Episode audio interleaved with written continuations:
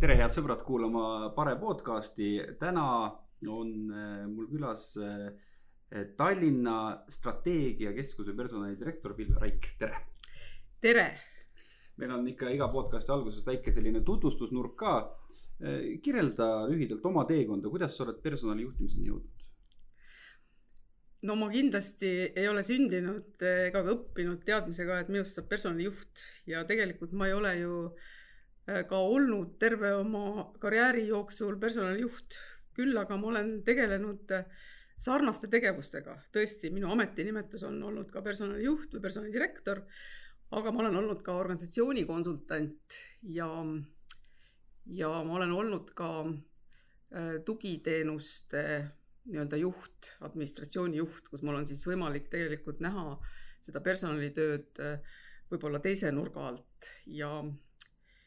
ja, ja ma olen ka tegelikult õppinud või ennast ette valmistanud siis äh, niimoodi, et kui ma olen, äh, mul on mingi kogemus personalitööst olnud, siis, siis ma olen tahtnud pärast seda kogemust ennast siis ka harida, sest me teame, et inimesel tekib selline väga kindel veendumus, kuidas asjad peavad olema, aga siis on väga hea nagu raputada neid teadmistega, et, et siis sa saad mingeid oma kindlaid veendumusi muuta. Tallinna linnaorganisatsioon on ikka tohutult suur, kakskümmend tuhat töötajat on see kokku. ja Tallinna, ähm, kui tavainimene vaatab Tallinna linna, siis, siis talle tundub, et, et on ainult see Vabaduse äh, väljak seitse maja koos linnavalitsuse liikmete ja linnapea Mihhail Kõlvartiga.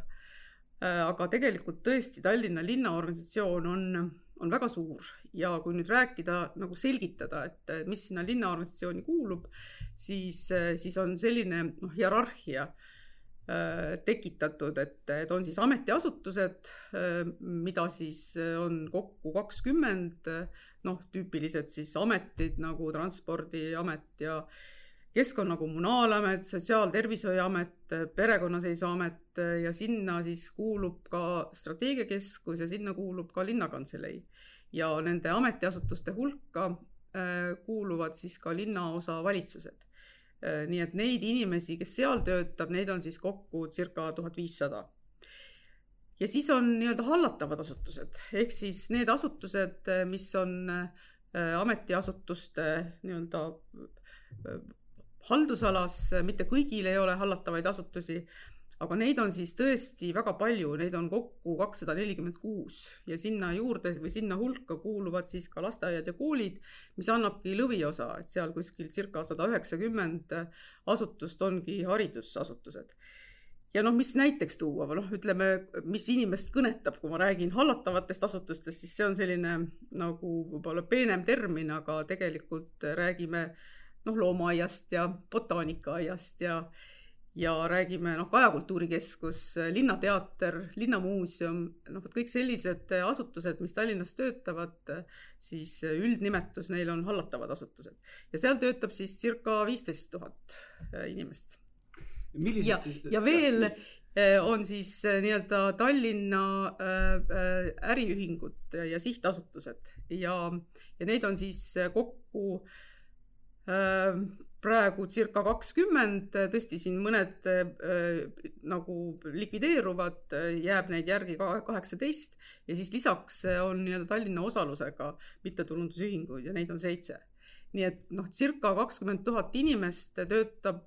Tallinna linnaorganisatsioonis ja see on tõesti väga suur organisatsioon no millised siis sinu ülesanded linna personalidirektorina on ja, ja kui suure ringiga sellest kõigest sa kokku puutud? no personaliteenistus on siis üks äh, tugiteenistustest ja, ja eks personaliteenistuse roll äh, ilmselt äh, on ka ajas muutunud, et, et praegu niikaua, kui mina olen seal olnud, mul saab mais kolm aastat, siis olen ma tahtnud ikkagi vaadata ka inimese mõttes ja juhtimisinformatsiooni mõttes seda Tallinna linna tervikuna. ehk et mul äh, minu arvates peab olema juhtidel kogu aeg ka linnas selline tervikpilt, äh, niisiis äh, nende nii-öelda arenduste mõttes kui ka siis nende andmete mõttes, mida siis paraku no paratamatult personalitöötajate käest läbi käib. nii et noh, kui vastata lühidalt, siis, siis personaliteenistus tagab nii-öelda personali, erinevad personalipoliitikad linnas ja personaliteenistus osutab ise ka teenust, et, et meil on siis mitmeid selliseid tsentraalseid teenuseid, siis mõned rohkem, teised vähem, aga tõesti praegu on olnud suund äh, mõistlikule tsentraliseerimisele ja noh, näiteks personaliarvestus on, on linnas ähm, äh, tsentraliseeritud ja see siis kuulub personaliteenistuse hulka. et personaliteenistuses töötab kokku kolmkümmend üheksa inimest koos minuga ja linnas kokku, kui me vaatame siis äh, ameti ja hallatavate asutuste personalitöötajaid, siis neid on kokku seitsekümmend kuus, nii et noh, umbes pooled siis sealt oleme meie. no ma ei saa küsimata jätta muidugi, et kui palju siis poliitika teie tööd ja linna igapäevast toimimist mõjutab? Ma, kui ma sinna linna läksin, siis, siis võib-olla tõesti noh, ka mulle või vähemalt ma sain mõne aja pärast aru, et võib-olla see, see poliitiline juhtimine on natuke ka selline üle müstifitseeritud et minu jaoks on poliitik, kui ta astub kohaliku omavalitsuse, valitsusse, siis tegelikult ta on juht. Et ta, ta hakkab mängima juhtimise mängu, et tegelikult on nad ju kõik juhid, et kui, kui sa vaatad noh, linnapead, siis, siis tema on juht ja ka tegelikult ka abilinnapead ja, ja samamoodi nagu linnaosa vanemad. ja, ja, ja minu jaoks ta nagu pigem püstitub või, või minu jaoks on ta pigem nagu, nagu küsimus sellest, et, et kui head on äh, juhtimisoskused. Et, et see poliitik, see on nüüd minu isiklik arvamus, et see poliitik, kelle juhtimisoskused on paremad, ma arvan ka, et tal on rohkem võimalusi näidata siis nagu nelja aasta tsüklis, kui me võtame, et poliitik juhina tahab näidata ennast nelja aasta jooksul siis, siis tal on paremad võimalused näidata oma tulemusi, kui ta on parem juht. räägime Tallinna Strateegiakeskusest. Äh, mis asi see täpselt on ja miks see loodi? no siin ma võib-olla tooksin näiteid, et, et miks on loodud Riigi Kinnisvara Aktsiaselts või miks on loodud Riigi Tugiteenuste Keskus, miks on loodud Politsei- ja Piirivalveamet et, et eks ta ole kõik selline konsolideerimise teema, et, et on ju mõistlik äh, ühendada sarnased tegevused ühe juhtimise alla.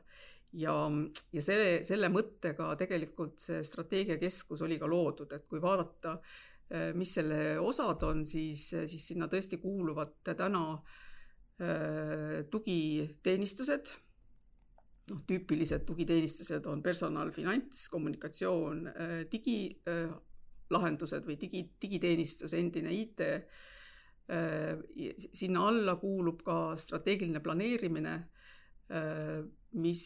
mis samamoodi nagu peaks looma üle linna sellist noh,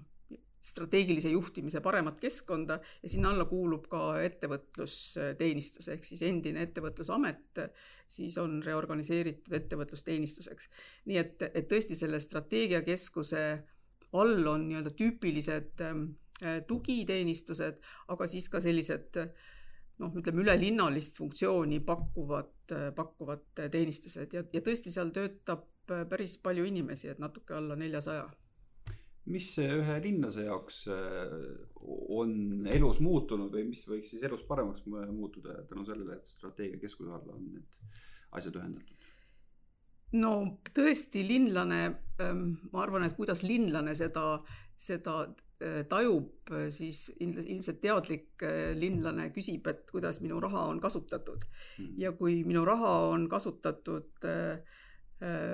nii-öelda paremini, optimaalsemalt, siis ilmselt linlasel on hea meel, et, et siis see raha, mida ta oma maksude näol linnale annab, et siis selle eest saab tema paremat teenust. ja kui nüüd vaadata personaliteenistuse poole, et siis, siis mida paremat keskkonda personaliteenistus suudab luua,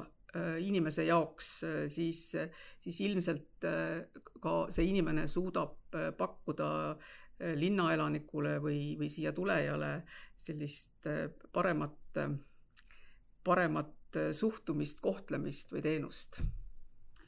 ma kujutan ette, et kohaliku omavalitsuse puhul on selles mõttes ka keeruline, et ühelt poolt on ju kogu aeg surve, et seda tuleb õhemaks lihvida ja õhemaks lihvida, eriti kriisi ajal. teisest küljest äh, tuleb äh, tööandjal olla ka atraktiivne ja ikkagi leida parimaid inimesi, et, et kuidas seda tasakaalu leida ja, ja kui. kui oluline praegusel hetkel äh, on Tallinna linna jaoks see, et olla tööandjana atraktiivne?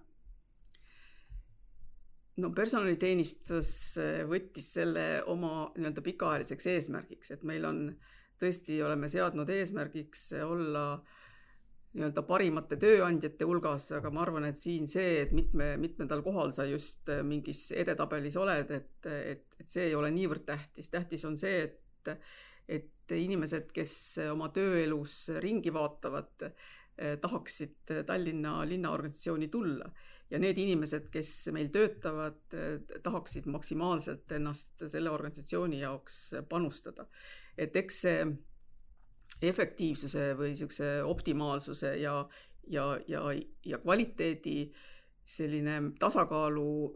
timmimine käib kogu aeg, et, et kuskil, kui sa oled äh, nagu väga säästlik ja väga optimaalne, siis tegelikult sa ei pruugi anda väga kvaliteetset teenust ja kui sa jälle lähed väga nii-öelda kvaliteeti püüdma ja väga laia spektriga äh, nii-öelda teenuseid pakkuma või siis ka väga ähm, suurt seda staapi looma, mis on ju alati oht, on see, et, et igasugused nii-öelda arendusüksused kasvavad. et siis on jälle nagu teistpidi rahaliselt nagu, nagu ebamõistlik, nii et, et eks see tasakaalu otsimine äh, käib ja, ja, ja ilmselt ta ka ikkagi jätkub. aga et kuidas seda saada, et, et ikkagi läbi eesmärkide. et et kui juhil on täpselt teada ikkagi, et mis on tema tegevuse eesmärgid ja mis on ka tema finantseesmärgid, et siis, siis ka tema ülesanne on seda tasakaalu äh, leida no kui me rääkisime sellest, et kokku äh, on selles suures potis kakskümmend tuhat töötajat, siis teine number on kaks tuhat, kaks tuhat juhti kokku. seda on, seda on tohutult palju. Äh, mida te nii suurte juhtide, suure juhtide hulga puhul siis olete ette võtnud, et, et see juhtimiskultuur pidevalt areneks? noh, eks seda äh,, olles elus olnud erinevates organisatsioonides, et, et kuskil tõesti on, on võib-olla see ka olnud silmakirjalik, et on tahetud, et, et juhte oleks võimalikult vähe. aga noh, kui sa mõtled seda, et, et inimene tahab ähm, huvitavat tööd ja hoolivat keskkonda ja, ja head juhtimist, et siis, siis seda tuleb inimesele anda ja kui neid juhte on väga vähe, siis paratamatult inimene on organisatsioonis äh, üksinda, et temaga ei tegelda, ta peab ise seda nii-öelda huvitavat tööd öö, äh, otsima äh, ja igaüks sellega hakkama ei saa, et ma arvan, et sellega saavad hakkama nii-öelda tugevamad. ja, ja seetõttu peabki see juhtide hulk äh, olema selline mõistlik, et noh, mis see mõistlik on, et eks me teoorias teame, et et, äh, et ilmselt nagu liiga palju üle kümne ähm, kümneliikmelise meeskonna juhtida on päris keeruline, et sa pead ju igaühega nädalas äh, saama rääkida ja ja kui neid on väga palju, siis paratamatult äh, see juht äh, distantseerub ja läheb kaugeks ja ta hakkab juhtima mingit illusiooni, et tal on mingi pilt äh, oma meeskonnast, aga see pilt ei pruugi vastata tegelikkusele. nii et, et ma arvan, et Tallinn siin ei ole seda silmakirjalikkuse teed läinud. küll aga tõesti, täna on, on juhte erinevatel tasemetel ja ja, ja kuidas seda juhtimiskultuuri arendada, siis kui sa küsid, et mida personaliteenistus on teinud, siis, siis noh, meil on olnud erinevaid, erineva suurusega asju. et võib-olla see esimene, mida ma välja tooksin ja, ja ma väga tahan uskuda, et, et võib-olla see on ka olnud selliste muudatuste lükkajaks, oli, oli siis see asi, mida me ise nimetasime linnaorganisatsiooni disainimiseks ja,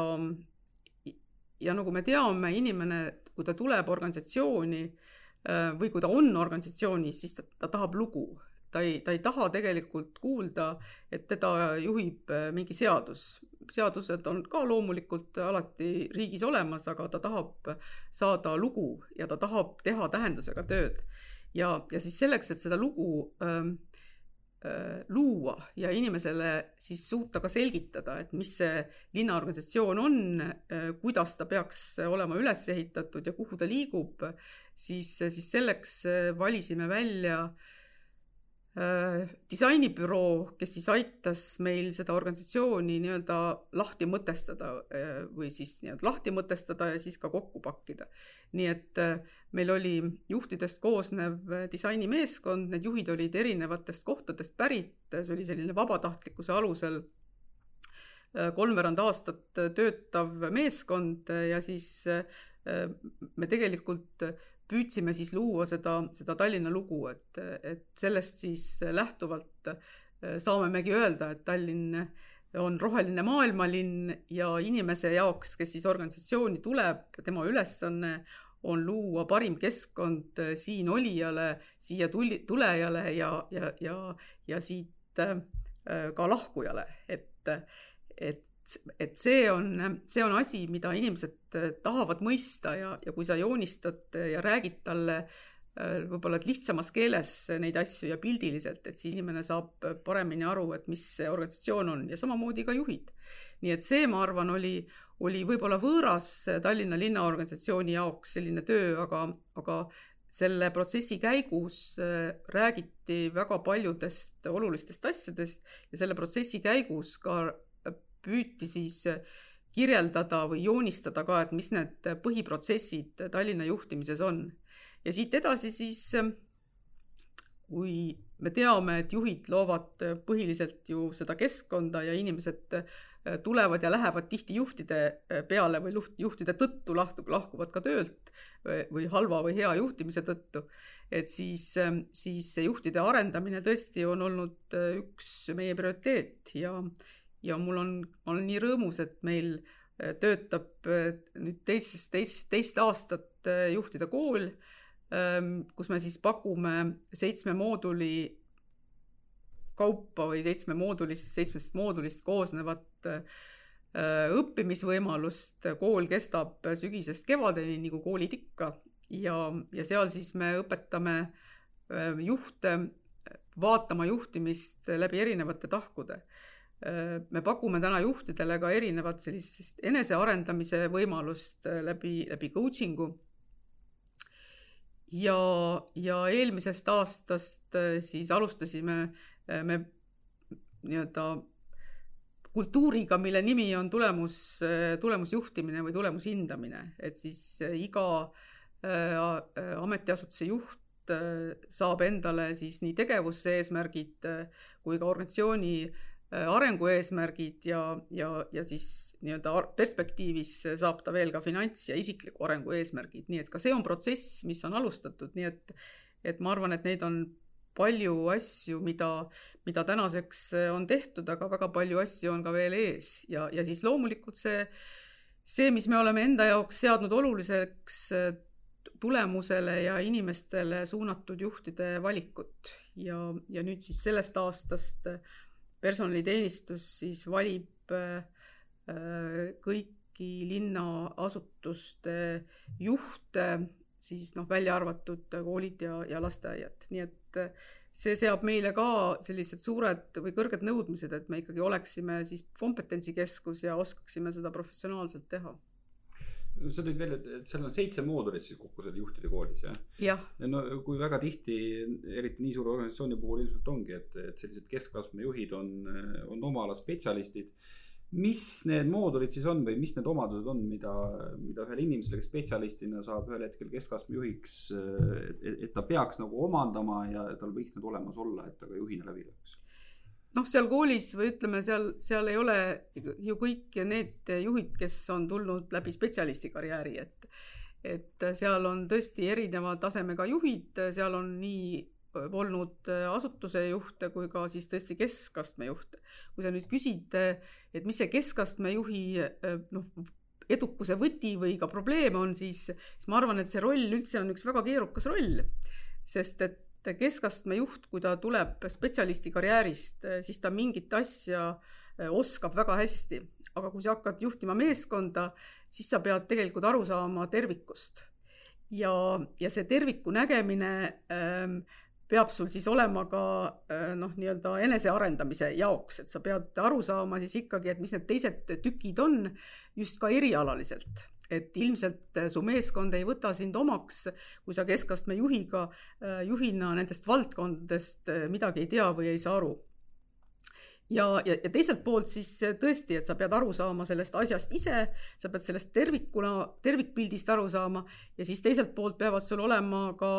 noh, juhtimisoskused, et, et sa ikkagi seda meeskonda suudad komplekteerida, motiveerida, et sa suudad ikkagi selle meeskonna nii-öelda äh, parimad võimed kätte saada. et ja nüüd siis see äh, juhtimise pool ongi siis see, mida me, mida me juhtidele äh, kus me siis aitame tal ennast arendada, et me oleme siis enda jaoks äh, lahti mõtestanud, et tänapäeva juhtimine koosneb ikkagi väga palju erinevatest äh, oskustest või erinevatest tükkidest, äh, noh, olgu see siis loomulikult on see inimeste juhtimine, on see protsesside juhtimine, on see nii-öelda kommunikatsiooni juhtimine, on see igasugune digilahenduste juhtimine, finantsjuhtimine, ka teenuse disainist arusaamine, et kõik on see, mida, mida sul üheski koolis tegelikult tervikuna ei õpetata ja me siis oleme kokku pannud sellise programmi, mis, mis peaks andma juhtidele sellise ähm, uudishimu erinevate valdkondade äh, juhtimises, erinevate valdkondade vastu. ja ma pean tõesti ütlema, et kuna meil me, sinna kooli saab konkursiga, noh, nii nagu heasse kooli ikka tehakse konkurss siis, äh, siis, siis vähemalt esimese aasta tagasiside oli väga hea ja teise aasta nii-öelda soovijate hulk äh, oli väga, oli suur, nii et, et see, ma loodan, et, et see nüüd ikkagi mõne, et see niimoodi jätkub, et järgmised aastad sinna tõesti tahetakse tulla ja ma tõesti arvan, et me täna pakume väga head programmi kuidas Tallinna linnaorganisatsioon on kohanenud aasta kestnud pandeemiaga? No ega see on olnud tegelikult kõigile ju keeruline ja ei saa ju öelda, et inimesed või ka juhid on olnud selleks valmis. et kui eelmisel aastal äh, see tuli, siis, siis kõik ju arvasid, et, et see on ajutine ja läheb mööda, täna me ei tea, kui ajutine ta on või kas ta üldse kunagi mööda läheb. nüüd, kui me vaatame, et, et igast asjast äh, tuleb leida ka head, et siis ma arvan, et see, mis Tallinna linnaorganisatsioon on õppinud, siis, siis on ta õppinud kindlasti sellist paindlikku töökorraldust. et kui ennem eh, need teemad nii-öelda väga ei lennanud, et kui me paar aastat tagasi kutsusime rääkima erinevad personalijuhid organisatsioonidest, kus on need asjad juba pikka aega olnud, selline kaugtöö ja paindlik töökorraldus, et siis, siis see tundus selline kauge maa, aga eelmise aasta märtsis olid sunnitud kõik äkki tegema kaugtööd. ja siis tulid välja ka mitmed probleemid. Ja, ja, ja loomulikult äh, said inimesed ikkagi ka mõne aja pärast aru, et teise inimesega kohtuda on nii tore, et teist inimest elusast peast näha on nii tore. Ja et, et see äh, ekraan, mis meil kogu aeg ees on, et, et, et see võib-olla selle ähm, nii-öelda plussid ja miinused tulid ka selgemini välja, et, et tegelikult saime me ka aru, et, et Teamsis koosolekute või ka vestluste pidamine on, on võimalik, aga aga kui sa näed ainult neid liikuvaid päid, siis sa ei näe seda inimese äh, tegelikku emotsiooni ja, ja tihti on ju see emotsioon see, mis, mis sulle jutustab, et mitte nii palju sõnad kui see emotsioon. ja, ja, ja samas eh, inimese tähelepanu seal ekraani taga äh, ei ole ka ju nii-öelda pikka aega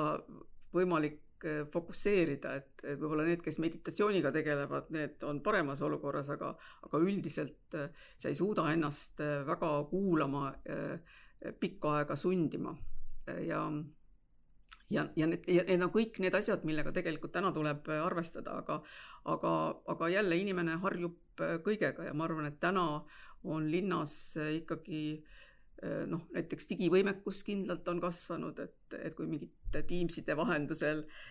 koosolekute pidamine oli, oli võib-olla, et selline noh, tundmatum paljudele, siis, siis praegu on ta igapäevaelu osa. me ei kujutanud ette, et me näiteks teeksime intervjuusid nii-öelda ekraani taga, nüüd me seda teeme. me ei kujutanud ka ette, et me läheme näiteks kandidaatidega õue kuskile istuma selleks, et, et, et aru saada, kas ja, ja kuidas teda värvata, nii et, et need on kõik sellised asjad, mida, mis on viimase aasta jooksul tehtud ja loomulikult nõuab see kogu see juht, juhtimismudel ümbervaatamist, et väga palju äh, rohkem on, noh, kriisijuhtimine on oma olemuselt teistmoodi kui tavapärane juhtimine. et äh, politseinikud õpetasid mulle äh, seda väga hästi et, et kriisis tegelikult hakkavad tööle hoopis teistmoodi juhtimisahelad ja, ja kui seal need ahelad on väga pikad, et siis, siis seda tulemust ei tule, nii et, et ka Tallinnas täna on, on palju pühendatud nii-öelda energiat ka, et see kriisijuhtimine oleks, oleks heal tasemel vaatame korra elanike seisukohalt ka seda koroonapandeemiat, et ma olen kokku puutunud paljude väiksemate omavalitsuste äh, Äh, elanikega, kelle jaoks on võib-olla pandeemia ajal tekkinud selline tunne, et justkui nüüd on nagu, ma ei tea, vald või kohalik omavalitsus on kinni tänu sellele kaugtööle, et kui inimene kord äh, kvartalis jõuab sinna vallamajja, siis on uks kinni ja seal on telefoninumbrid äh, seina peal. Mida Tallinna linn on teinud selleks, et, et elanikul ei tekiks sellist muljet, et nüüd pandeemia ajal on linn kinni? no see on olnud meie kogu iga koosoleku mantra, et Tallinn tahab osutada teenuseid äh, nii palju, kui see on nagu vajalik või nii palju, kui see on tavapäraselt äh, inimesele nagu tagatud, et, et ja, ja seetõttu noh, oleme me ka vaadanud, et kuidas inimene seda infot kätte saab, et loomulikult vana inimene ilmselt liiga palju ei vaata internetti, praegu me oleme pannud aega selleks, et, et kõigil oleks vastuvõtuajad ja ka nii-öelda tööajad ja lahtiolekuajad eh, nähtavad, et inimene saaks ühe helistamisega, kui tal on vaja helistada, kätte just selle, keda tal on tarvis, aga, aga ka see, et, et ikkagi uksed oleksid eh, lahti. et, et see on tõesti olnud meie eesmärk nüüd selle teise laine ajal ja ka esimese laine ajal. esimese laine ajal muidugi oli, oli see probleem, et, et kuna riik Äh, oli ikkagi eri, eriolukorras, siis teatud asutused olid suletud. et kui sa läksid äh, Linnateatri ukse taha, siis seal oli silt, et, et Linnateater on kinni ja direktor Raivo Põldmaa ju ikka naljatlevalt ütles, et tema aja jooksul pole iialgi selliseid silte olnud ja, ja uksed pole olnud kinni. aga praegu, kus, kus ikkagi püütakse ju hoida nii-öelda teenused ja, ja asutused lahti, et siis, siis, siis tõesti ei, ei taha küll, et kui eh, inimene tuleb ukse taha, et siis ta saab ainult mingisuguse telefoninumbri või, või mingi meiliaadressi. ja samas see paneb ka surve nendele inimestele, kes nagu teenust osutavad, et, et tõesti meil täna on, on palju rõhku pandud äh, kogu sellele desinfitseerimisel, ruumide ventileerimisele, puhastamisele, maskidele eh, ja nii edasi, et see on nüüd kindlasti asi, mida võib-olla aasta tagasi, mis oli üllatav või mis oli enneolematu, aga täna kuulub see elu juurde, nii et me peame hoidma ka neid inimesi, kes, kes eesliinil on ja iga asutus on teinud ka endale plaanid, plaan B, et juhul, kui eesliinilt inimesed ära kukuvad, et kes siis sinna asemele lähevad. et selline jah, sellised mudelid on ja selline töökorraldus täna meil, meil toimib ja eelmisel aastal äh, sai kajastust minu arvates väga toredasti meie vabatahtlike reserv. et kuna meil asutused olid ju kinni, aga mõned asutused jälle pidid tegema palju rohkem tööd, noh nagu näiteks mupo ametnikud või ka noorsootöötajad Äh, siis, äh, siis me nagu võtsime või ait-, võtsime, kutsusime kokku need linnatöötajad, kellel tööd ei olnud, kes andsid ennast üles vabatahtlikena ja kes siis tegid nii-öelda erinevaid töid siis seal, kus tarvis oli. Ja, ja, ja vahel tegid nad ka seal, kus polnud mõistlik lihtsalt tookord inimesi palgata, et et on võib-olla räägitud rohkem sellest, et keegi pidi kalmistul riisuma, aga ma pean ütlema, et need, kes seal riisusid, need aitasid väga palju seda organisatsiooni, et nad ei, et, et ta ei pidanud endal täiendavat tööjõudu palkama ja samas värskes õhus liikumine pärast pikka kodus istumist tegelikult oli paljudele nagu vabastav. Et see on see tagasiside, mis inimesed äh, sealt andsid. praegu meil seda vabatahtlikku süsteemi ei ole, sest asutused on lahti, aga, aga see oli väga hea kogemus no lõpetuseks, Ville, sõnasta palun kolm soovitust personalijuhile, kuidas toetada organisatsiooni edu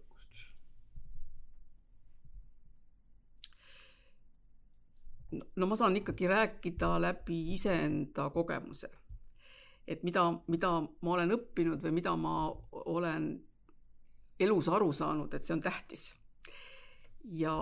võib-olla esimene asi on see, et kui sa lähed uude organisatsiooni, et siis sa oledki seal puhas leht. et sa pead nagu arvestama seda, et, et kõik sinu minevikus äh, tehtud äh, head asjad ja saavutused äh, jäävad maha, et sa ei saa eeldada, et, et, ähm, et sind võetakse nii-öelda ähm, kuidagi nagu, nagu kuskilt jätku pealt, et, et sa oledki igas organisatsioonis puhas leht ja sa hakkadki seal vaatama ringi ja hakkad neid asju tegema, mis on võimalik teha. et, et sul on küll hea kui sul on niisugune tööriistakast eelmisest elust kaasas, aga, aga sa ei saa seda tööriistakasti alati maksimaalselt kasutada ja, ja sa pead olema nagu väga selline noh, tundlik, et mida on võimalik teha ja mida pole võimalik teha ja, ja rõõmsalt tegema neid asju, mida võimalik on teha. Nii et see on esimene soovitus, et,